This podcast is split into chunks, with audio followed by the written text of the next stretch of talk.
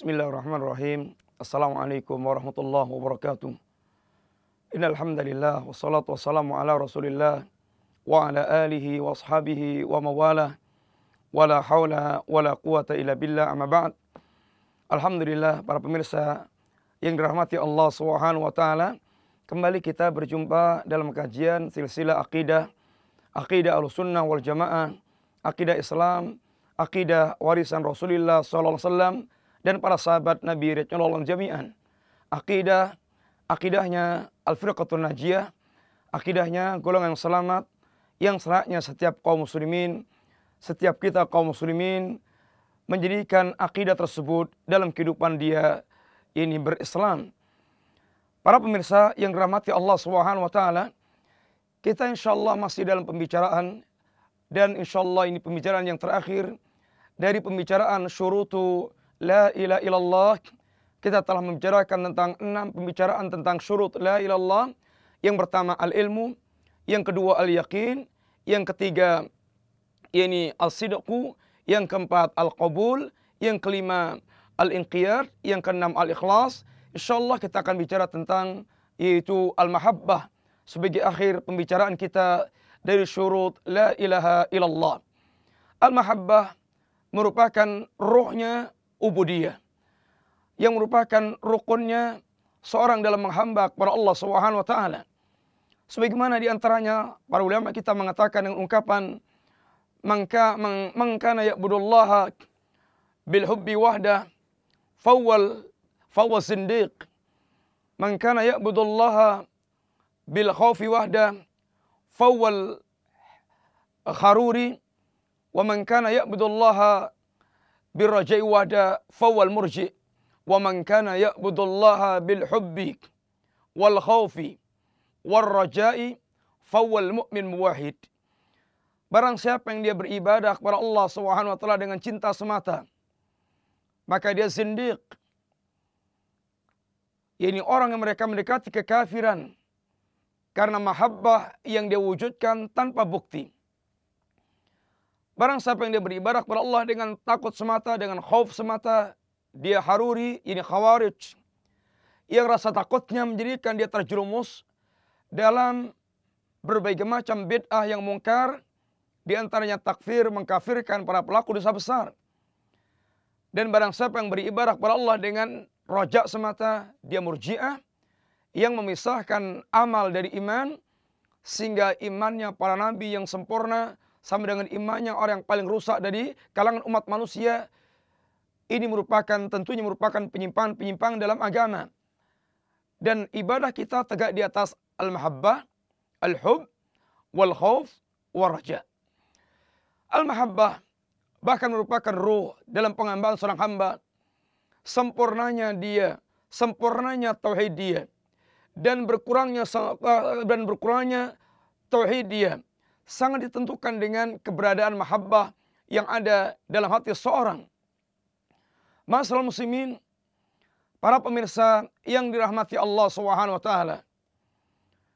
Allah Subhanahu wa taala menyebutkan dalam ayatnya berkaitan kehidupan al-mu'minun wal musyrikun wa minan nas may yattakhidhu min dunillahi andadan yuhibbuhum yuhibbunahum kahubbillah walladzina amanu asyaddu hubban lillah.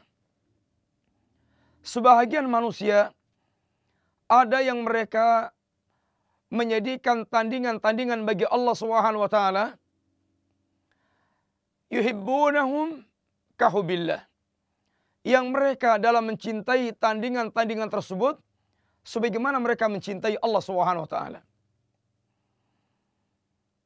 mereka samakan kecintaan Allah dengan kecintaan orang musyrik dengan tandingan mereka. Adapun kaum mukminin kata Allah, "Walladzina amanu asyaddu hubban lillah." Adapun seorang mukmin sangat amat cintanya kepada Allah Subhanahu wa taala. Para ulama mengatakan ketika menafsirkan walladzina amanu asyaddu hubban lillah orang mukmin kecintaannya kepada Allah asyad lebih besar min hubbil musyrikin lillah. Au min hubbil musyrikin li andadihim. Seorang mukmin kecintanya kepada Allah lebih besar dibandingkan kecintaan orang musyrik terhadap Allah Subhanahu wa taala. Orang musyrik mencintai Allah dan mencintai andat mereka. Akan tapi kecintaan musyrikin kepada Allah dia sekutukan dengan yang lainnya. Adapun cintanya mukminin, dia tulus, dia ikhlaskan, dia murnikan hanya untuk Allah Subhanahu wa taala. Atau kecintaan mukminin lebih besar dibandingkan cintanya musyrik kepada Anda tandingan-tandingan mereka. Kenapa demikian? Karena cintanya mukminin terhadap Allah Subhanahu wa taala tidak mengenal waktu, tidak mengenal cuaca dan keadaan. Semuanya cintanya adalah total hanya untuk Allah Subhanahu wa taala, cinta ubudiyahnya. Adapun musyrikin, mereka mencintai andat. Akan tapi lihatlah, ketika musyrikin mereka dalam dalam suasana terjepit, terdesak, kesulitan, mereka tinggalkan andat mereka dan mereka mengikhlaskan hanya untuk Allah Subhanahu wa taala Wa idza raqibu fil fulki da'u Allah mukhlishina lahuddin. Wa idza najau ilal barri idahum yusyrikun. Orang-orang musyrikin ketika mereka sedang berada di lautan. Diterangkan ayat yang lainnya. Lalu dia dikepung oleh ombak. Sehingga marah bahaya betul-betul mengancam dirinya. Maka saat yang terjepit seperti ini. Orang musyrikin mereka mengikhlaskan doanya hanya semata-mata untuk Allah Subhanahu wa taala. Adapun mukminin maka dalam segala suasana dalam segala cuaca dan situasi maka kecintaannya total hanya untuk Allah Subhanahu wa taala. Kaum muslimin yang dirahmati Allah Subhanahu wa taala, para pemirsa rahimani wa rahimakumullah. Al-Imam Ibnu Al-Qayyim Al-Jauziyah menerangkan bahwasanya al-mahabbah ada empat perkara, ada empat macam yang harus kita fahami. Salah dalam memahami mahabbah ini, maka akan salah pula kita di dalam memiliki sebuah amalan. Empat macam mahabbah. Yang pertama adalah mahabbatullah. Kecintaan seorang terhadap Allah Subhanahu wa taala. Para pemirsa, akan tapi Orang yang mereka mengaku dia mencintai Allah belum cukup. Kenapa demikian? Karena orang Yahudi mengeklaim dia mencintai Allah Subhanahu wa taala. Kata orang Yahudi nahnu abna Allah wa ahibba'uh. Kami adalah anak-anak Allah dan kekasih-kekasih Allah. Orang musyrikin dia juga mengeklaim mencintai Allah Subhanahu wa taala yuhibbunahum kahubillah. Menunjukkan orang musyrikin dia memiliki kecintaan kepada Allah Subhanahu wa taala. Akan tapi kecintaan yang ternyata dia sekutukan dengan yang lain. Maka sekedar mengeklaim mencintai Allah belum cukup. Yang kedua, al-mahabbatu ma yuhibbullah kecintaan kepada apa yang Allah cintai. Ini merupakan lawasim, merupakan kelasiman orang yang mereka mencintai Allah Subhanahu wa taala. Seorang mencintai Allah, dia harus mencintai apa yang Allah cintai. Allah mencintai tauhid, dia mencintai tauhid. Allah mencintai sunnah, dia mencintai sunnah. Allah mencintai mukminin, dia mencintai mukminin.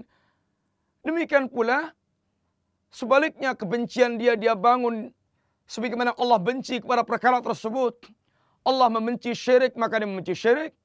Allah membenci bid'ah maka Allah dia membenci bid'ah. Allah membenci maksiat maka dia benci maksiat.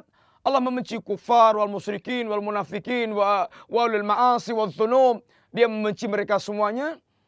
Maka dia pun membenci apa yang Allah benci. Inilah merupakan kesempurnaan orang yang mereka mencintai Allah Subhanahu wa taala. Yang ketiga, Al-mahabbatu lillahi wa fillah. Kecintaan atau kecintaan yang dia bangun karena Allah dan di jalan Allah Subhanahu wa taala. Ini pula merupakan cabang tuntutan dari kecintaan orang terhadap Allah Subhanahu wa taala. Dia membangun kecintaan karena Allah dan di jalan Allah. Sehingga Nabi mengatakan, "Man ahabba lillah wa abghadha lillah wa a'ta lillah wa man'a lillah faqad istakmal iman." Barang siapa yang dia mencintai karena Allah dan membenci karena Allah, dia memberi karena Allah, tidak memberi karena Allah, maka sungguh telah sempurna keimanan dia. Yang keempat, al-mahabbatu ma'allah, kecintaan terhadap uh, kecintaan bersama dengan Allah. Inilah cinta syirkiyah yang mamnu'ah, mahabbah yang mamnu'ah, mahabbah yang terlarang. Ini mencintai tandingan selain Allah Subhanahu wa taala. Ini adalah kecintaan-kecintaan yang perlu kita fahami. Yang para ulama juga menyebutkan di antaranya di sana ada cinta fitrah. Cinta yang merupakan tabiat manusia. Cintanya seorang laki-laki kepada wanita istrinya. Cintanya seorang kepada anaknya. Cintanya seorang kepada orang tuanya. Ini cinta yang fitrah, yang tabiat yang dibolehkan oleh Allah SWT selama tidak menjadikan dia mendahulukan apa dan siapa tersebut di atas kecintaannya kepada Allah dan Rasulnya Sallallahu Alaihi Wasallam.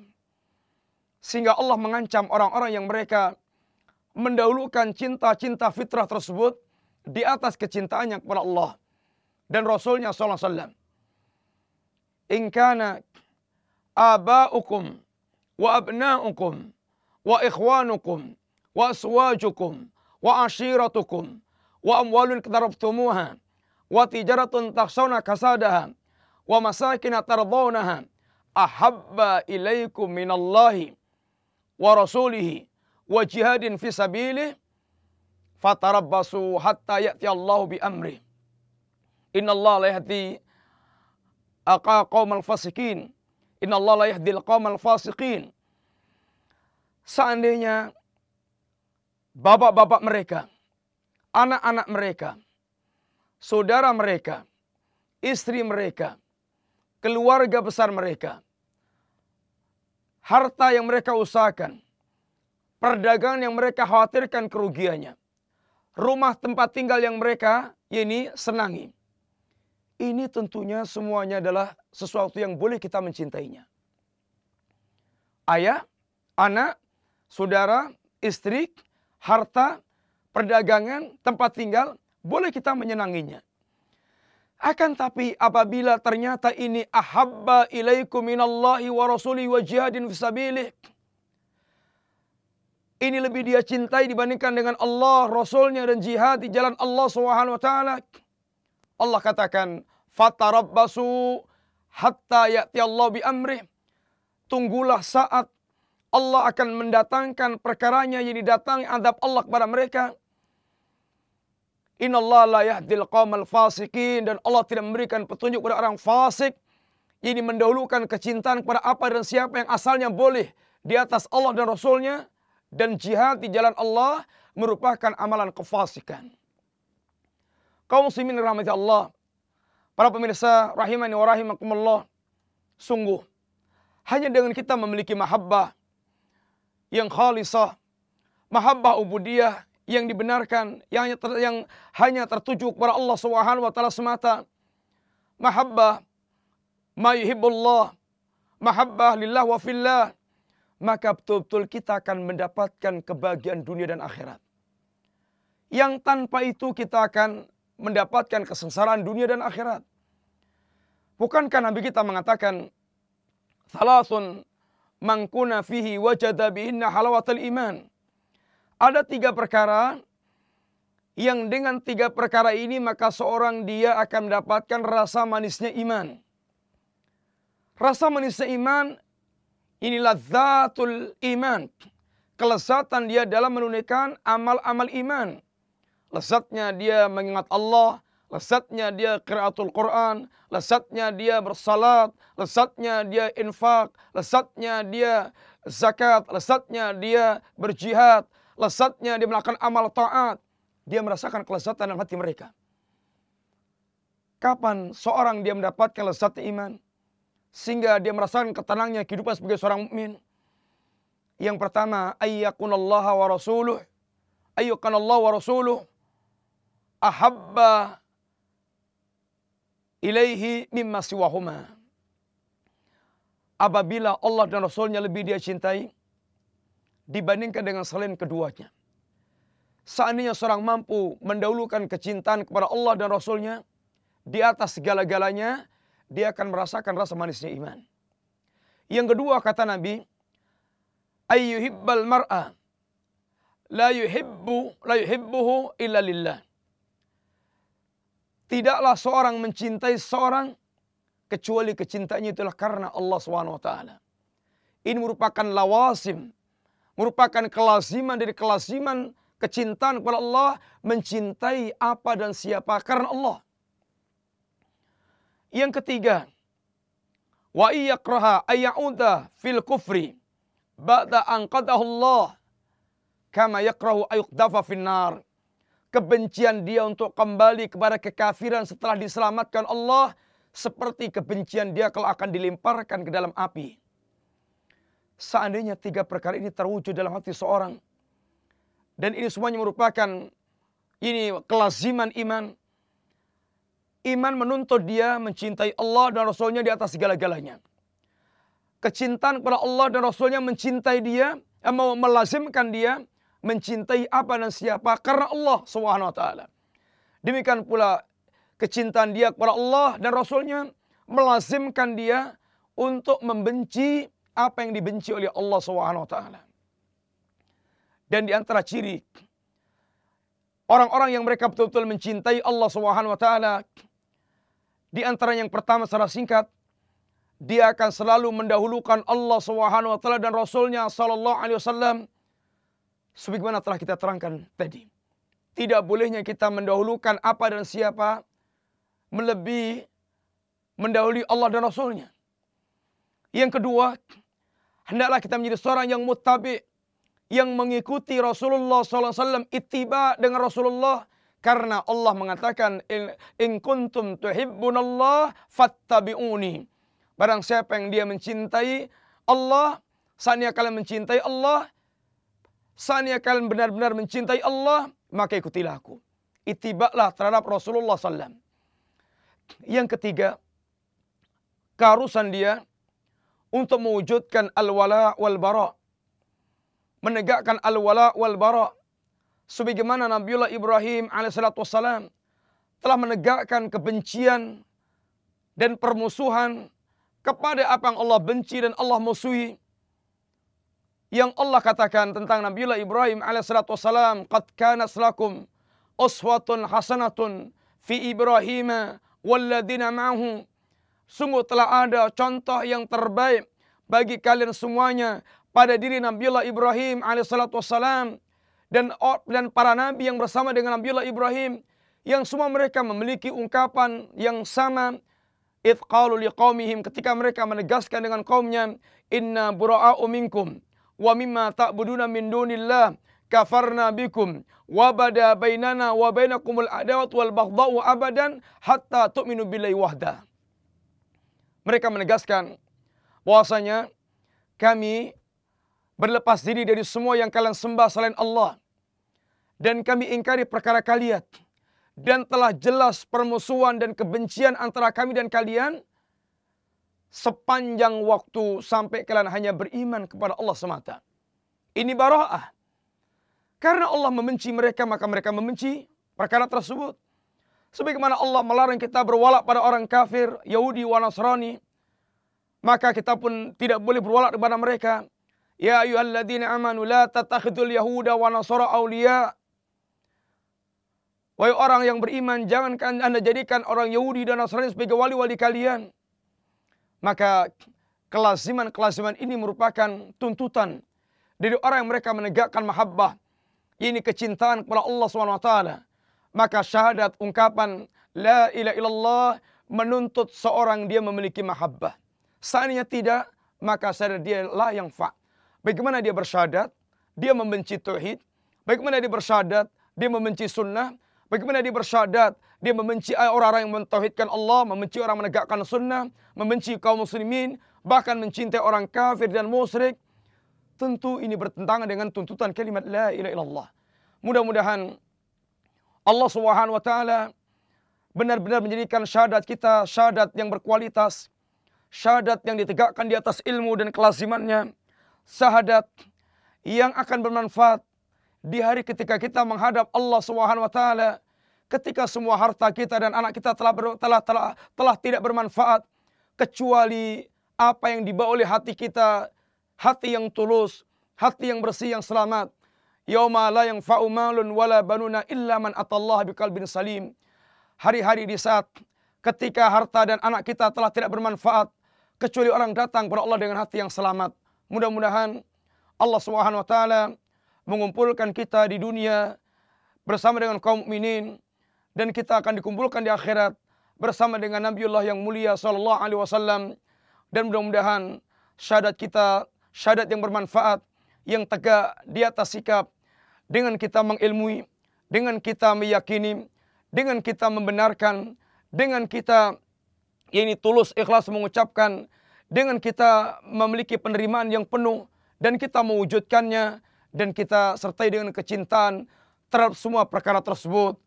Dan syahadat ini tidak akan bermanfaat kecuali sertai dengan al-kufru bitauhid wal wal imanu billah ini mengingkari tauhid dan mengimani Allah Subhanahu wa taala semoga manfaat dan dengan demikian kita telah menyelesaikan pembahasan secara singkat tentang uh, syurutu la ilaha illallah wa sallallahu ala nabiyyina Muhammadin wa ala alihi wa sahbihi wasallam. Assalamualaikum warahmatullahi wabarakatuh.